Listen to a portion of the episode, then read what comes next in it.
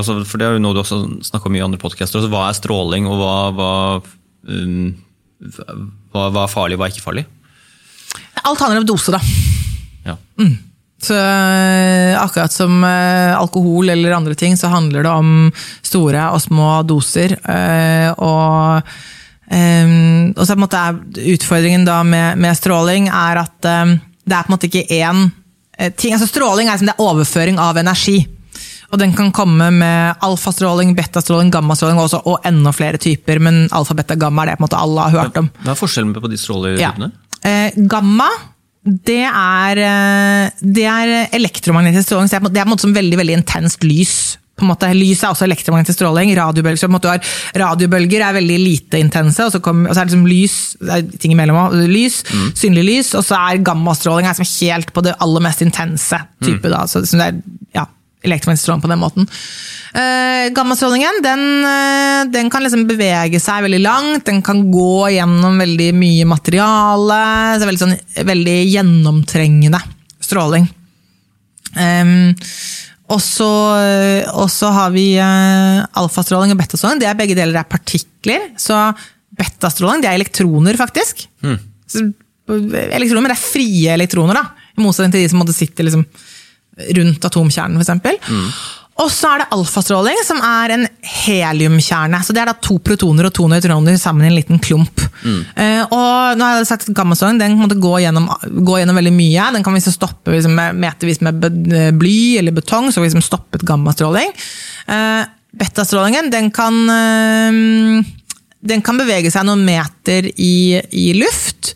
Eh, stoppes av liksom et tynt lag med aluminium, f.eks. Mens eh, alfastrålingen den, den beveger seg veldig, veldig kort. Den stoppes bare noen centimeter i luft. Hvis du holdt en, en klump med, med noe i hånden som bare sendte ut alfastråling, så ville alt det bli stoppet i det døde hudlaget i hånden. Som betyr at mm. de levende delene av meg ville ikke fått noe som helst stråledose av, av den strålingen. Og det er liksom viktig fordi det kommer an på da, ja, hvor ting er. Er det noe du spiser og får i deg? Fordi som jeg sier at Hvis du holder en klump da, med noe i hånden som ser ut alfastråling, så får ikke jeg noe dose av det. Men hvis jeg spiste den klumpen, eksempel, da vil jo all strålingen bli stoppet i, i kroppen min. Så da vil jo all den strålingen gi meg en stråledose på innsiden.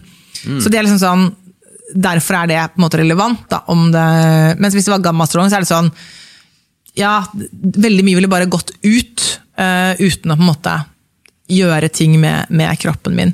Og det er da når vi kommer tilbake til dette med jod igjen, for eksempel, som jeg sa at ja, det er jo da kjemisk er det sånn at jod går til skjoldbruskkjertelen vår, som er en veldig lite, ganske lite organ. Også, og eh, radioaktivt jod det sender ut betastråling. Betastråling er jo også sånn at det, det aller meste da vil ikke gå ut av kroppen, det vil bli stoppet i, i selve skjoldbukjertelen. Og så er stråling er egentlig å si at det er bare overføring av energi. Det er på en måte den mer generelle tingen. Um, og, um, og dermed vil all den energien ende opp i skjoldbukjertelen, og den kan da skade eh, DNA og skade, liksom, ja, gjøre skade på, på dette organet. Slik at du da i verste fall kan utvikle seg kreft. da. Ja, hva hva er kreft, kreft når man behandler kreft og sånt? Hva slags stråling hva slags av de typene er det man bruker da? Ja, for det, er- er litt forskjellige, men man bruker det første man brukte da man fant ut at man kunne gjøre dette, her, det, da brukte man jo gammastråling. Så da brukte man jo da, da brukte man klumper med radium. var det første, Derfor Radiumhospitalet heter Radiumhospitalet. Akkurat. Eh, og det var jo da eh, den norske kjernekjemikeren Ellen Gleditsch som jobbet Hun klarte å mase seg til, fordi hun var veldig flink, men hun var også flink til å snakke for seg. Mm. Men hun fikk eh, jobbe for Marie Curie eh, i Paris, og det var også da hun som dro og importerte det første radiumet. Så vi fikk et radiumhospital. Da. Og da hadde man klumper med radium som som la på, på huden. Um, I dag bruker man i Norge eh, ikke gammastråling, men røntgenstråling. Eh, og det er da eh, det er også røntgenstråling man bruker når man tar for røntgenbilder, men man bruker da en helt annen type energi. Da. Så det er ikke bare, det er ikke bare okay, hvordan er strålingen, men altså hva, hvor høy energi er det på denne strålingen. Så man da, når du tar et røntgenbilde, så får du en veldig veldig lav stråledose, men når du liksom skrur opp skikkelig, så du får røntgenstråling med veldig høy energi, da kan den brukes da til kreftbehandling. Da. Så er på en måte problemet da med hvordan Nå har jeg allerede sagt at gammastråling og røntgenstråling det oppfører seg egentlig, det er helt likt begge deler. Det er også da sånn elektromagnetisk stråling som, da, som går gjennom veldig mange altså Det beveger seg liksom gjennom kroppen din, og, så, og mye vil gå gjennom uten å gjøre noe særlig, mens eh, en del vil også på en måte gjøre skade. Og da, hvis det for er kreft, så er det jo selvfølgelig kreftceller man gjør noe med. Um, problemet er at det blir litt sånn lite treffsikkert, fordi det, det beveger seg liksom rundt flere steder, og ikke bare til der hvor du har kreft. Så man ønsker jo også, eller det man gjør da, eh, flere andre steder i verden, f.eks. i Frankrike og USA, at man bruker eh, røntgenstråling til noe type kreftbehandling. Men så bruker man såkalt protonterapi, og da sender man protoner. Det blir litt som disse alfapartiklene. Man bruker partikler mm. istedenfor. Og de blir ekstremt mye mer treffsikre, fordi de liksom avhenger da av igjen energien de har, så beveger de seg inn i kroppen, og så er det på en måte i det punktet der de stopper opp, det er der all energien ender opp. Mm. Sånn at uh, typisk da, Hvis du ser for deg at du har for liksom, kreft i hjernen, hvor det er sånn at du vil jo absolutt ikke da skade alt som, alt som da ligger rundt en svulst, vil jo da være viktig. Du kan si at Synsenteret, kanskje. sånn at da med, Hvis du da bruker um, røntgenstråling, så er det litt sånn ja, du kan bli frisk, men du blir også blind. Mm. Uh, så hvis man da kan bruke da protonterapi for eksempel, istedenfor, um, så vil du jo da drepe kreftsvulsten, men også beholde synet. Og nå er det bestemt at Norge også skal få protonterapi. Vi har holdt veldig veldig igjen på det altfor altfor lenge, men det skal komme nå i løpet av noen år. Lurer på om det er i løpet av 2023 eller noe sånt, så det er veldig bra. Vi har bare latt liksom andre land eksperimentere med det først, og så Ja, men vi har også sendt eh, barn til andre, andre, land. Så kaller vi det eksperimentell behandling, men alt mm. vi vet om hvordan stråling oppfører seg, tilsier at ja, den, den, er på en måte eksperimentell i medisinsk sammenheng. Fordi, og det er kanskje liksom, Man får sånn cash 22, da, fordi man skal på en måte selvfølgelig teste ut ting, og det er viktig, men, er sånn, men vi, vet, vi vet hvordan denne strålingen oppfører seg. Så ja. Så stråling oppfører seg på litt forskjellige måter, men, så, så, men en stråledose er energi, egentlig. Energi delt på masse, altså på vekt. Da. Eh, så for eksempel et lite organ da, som skjoldbukjertelen, som da blir bestrålt mye da, av, av betastråling fra radioaktivt jod f.eks. Mm. Det vil fort få en ganske stor stråledose, og det, det kan, jo da, kan, jo gi skade. Um, men um, Og så er det sånn da at uh, dette med stråledoser, akkurat som det er med Jeg liker å sammenligne med alkohol, for det har vi på en måte et forhold til. At man kan få en veldig stor dose på en gang, og det kan være skade. Du kan, måte, du kan dø i løpet av kort tid. Og så kan du få mindre doser som da Eh, er mer eller mindre uskadelige.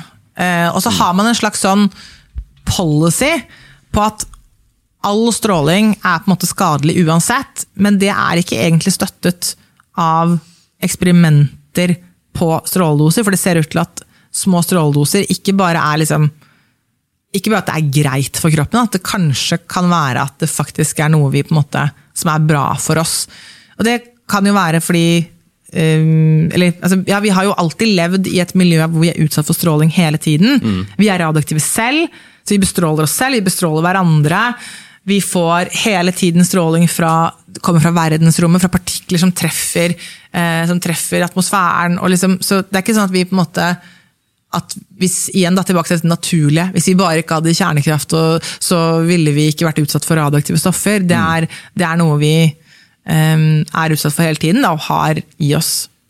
Så det kan være sånn at Små mengder med, med stråling blir litt sånn som uh, vi sånn som man prøver seg med, med allergi, at man uh, tilfører, altså, eller forgifter kroppen i veldig små mengder. Da. Det er jo også sånn, noen som, som drikker uh, bitte litt av, av, drikkevannet til det landet de kommer til, for liksom å få litt av, liksom, ja, ja. litt, litt av bakteriene. Altså at man, at man Eh, i en veldig liten dose forgifter seg litt i hermetegn. Ja, og det, det, det, det, er noen eksperimenter som kan tilsi en sånn litt sånn eh, vaksinasjonseffekt, på en måte, som det du nevner der. Da. Mm. Man har gjort eksperimenter hvor, eh, hvor man har to, eh, man har to sånne Petri-skåler med celler. Og så gir man den ene skålen en liten stråledose og så venter man litt, og man gikk ikke noe til den andre, og så venter man litt, og så gir man en stor stråledose til begge Petri-skålene. Og da er det høyere overlevelsesrate i den som fikk den lille stråledosen først. Hmm. Så det er jo interessant, og det, det, kan man jo på ingen måte trekke masse sterke konklusjoner ut av, men det er, det er sånne type eksperimenter som er ganske interessante da, å, å, se på. Og så har man selvfølgelig gjort eksperimenter med, med frosk og mus, og, som man på en måte, for eksempel man har prøvd å sette på, jeg husker ikke om det er frosker eller mus, nå går jeg litt i sur, men en av dem, eh, hvor man da har isolert, isolert dem helt så de på en måte får ikke noe sånn bakgrunnsstråling, liksom helt, helt strålefritt miljø. Og da har, da har um, fertiliteten gått ned. Og så har man puttet inn en bitte liten sånn, en strålekilde som tilsvarer da samme strålenivå som det man har til vanlig. Da går den opp igjen. Hmm. Interessant, og selvfølgelig, igjen, Man kan ikke trekke mange sterke konklusjoner ut fra ett sånt eksperiment og si da er det sånn på mennesker, fordi det er forskjell på mennesker og mus og frosker. Men mm.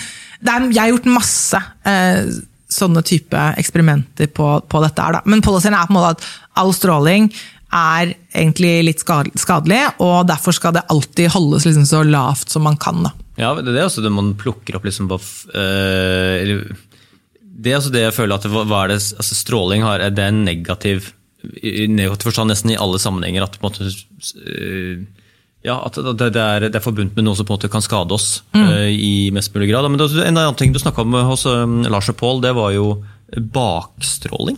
Bakgrunnsstråling? Bakgrunnsstråling. Ja, Det er det som vi er utsatt for hele tiden. Så er det, det, det, er på en måte summen av, liksom, av, det som kommer fra verdensrommet, det vi på en måte, altså, at vi er radioaktive selv fordi vi har radioaktive okay, stoffer i oss, og liksom fra mat vi spiser, og alt det som, bare, som er der hele tiden. Da. Men Du sa altså at det har vi veldig mye av i Norge? Ja, vi har høyere nivå i Norge enn eh, Så vi ligger litt over snittet. Så på en måte vi um ja, vi, er ikke veldig mye, men vi, vi, er, vi er, høyere enn verdenssnittet. Mm. Uh, og det er litt interessant tilbake med Fukushima, at det ble utslipp av stråling, eller utslipp av radioaktive stoffer der som økte strålenivået, og hvor uh, hvor da f.eks. så flyttet Norge sin ambassade midlertidig fra Tokyo til um, uh, Osaka, tror jeg. da det var forhøyede strålenivåer.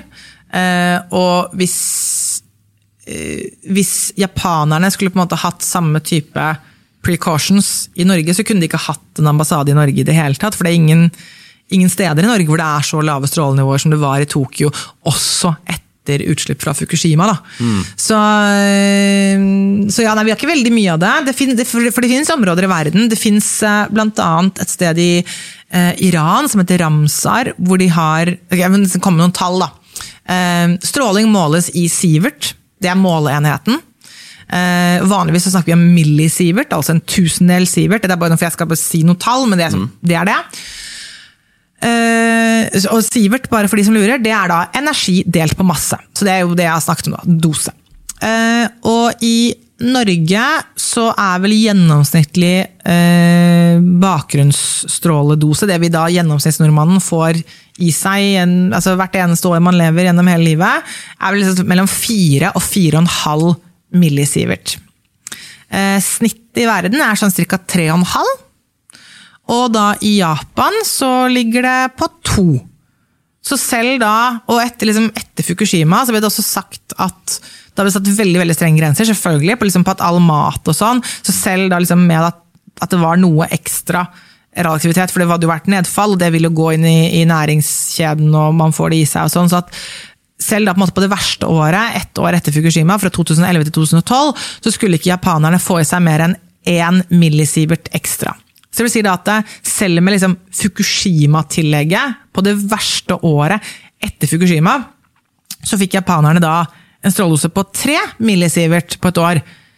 Så fremdeles er 1,5 millisievert mindre enn det vi har her i Norge. Absolutt alltid, hele tiden, så lenge vi lever. Så det er, liksom, ja, så det er forskjeller på det. Mm. Men i dette i, i, Iran, som jeg har snakket om i Ramsar i Iran, og det er da pga. geologien at det er mye, mye radioaktive stoffer der i, i, bakken, rett og slett. Helt, naturlig. Mm. Uh, der ligger nivået på opp mot 100 millisievert i året. Og det er liksom, så det er liksom eh, Og det er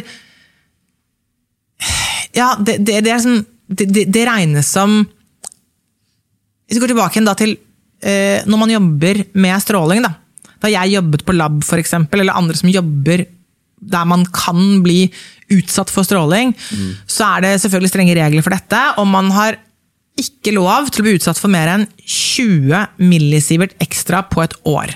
Det er ganske mye mer enn den bakgrunnsstrålingen. 20, det er sånn, det skal du ikke bli mer utsatt for på et år. Uh, og, og, så det vil si da at over fem år så vil du på en måte i verste fall måte Du har lov til å bli utsatt da for 100 millisievert på fem år. Uh, 100 millisievert på ett år, det regnes, liksom, da begynner det å være, liksom, det regnes som at da begynner det å være farlig. Eh, mens da i Ramsar så er da bakgrunnsstrålingen på 100 millisievert, så alle som bor der blir utsatt for 100 millisievert hvert eneste år eh, så lenge de lever. Og de har ikke høyere eh, forekomst av kreft eller andre type sykdommer som man på en måte vil lure på om det Som man kanskje ville tro at det kanskje skulle være. da. Hmm. Hvor lenge, hvor lenge liksom god forskning og tall har man bakover i tid der, da? Du, Det er jeg ikke sikker på. Mm. Um, og så kan det jo også være at uh, jeg, Og jeg er ikke sikker på hvordan det er når det kommer, hvis vi drar dit, altså folk som ikke er vant til det, om det da om det har skjedd noe på en måte evolusjonært der, sånn at de liksom er tilpasset det, eller om det egentlig ville gå like greit for oss. Det vet jeg ikke. Hmm. Men vi må også ta for oss dette det, jeg, jeg, bare lurer altså på hva, hva er alt det oppstyret med 5G-stråling? Altså, hvor, hvor er det liksom hvor... du, Det er noe helt annet, så det tror jeg det må du Har, har det ingenting med de tingene Nei, vi har snakket om? Ingenting med dette å gjøre i det hele tatt. Så, så, på en måte de bølgene, eller på en måte de Det er noe helt annet. Så, ja. så på en måte det er det, det, det strålebiten fra mobiltelefoner og den type ting, det har ingenting med de Nei, stråletingene Det er noe helt annet. Så det, jeg kan gjerne snakke om 5G-stråling en annen gang, men da må jeg rett og slett forberede meg på en helt annen måte. det, jeg, jeg bare, så 5G-stråling det, det, liksom? det, er ikke såkalt ioniserende stråling. Så ioniserende stråling, det vil si altså alt, alt, alt, det som kommer av radioaktive stoffer og, og sånn, det er at eh, det er stråling som har nok energi til at det kan slå løs elektroner fra sant, atom, mm. en atomkjerne med protoner og nøytroner, og så er det elektroner som går rundt.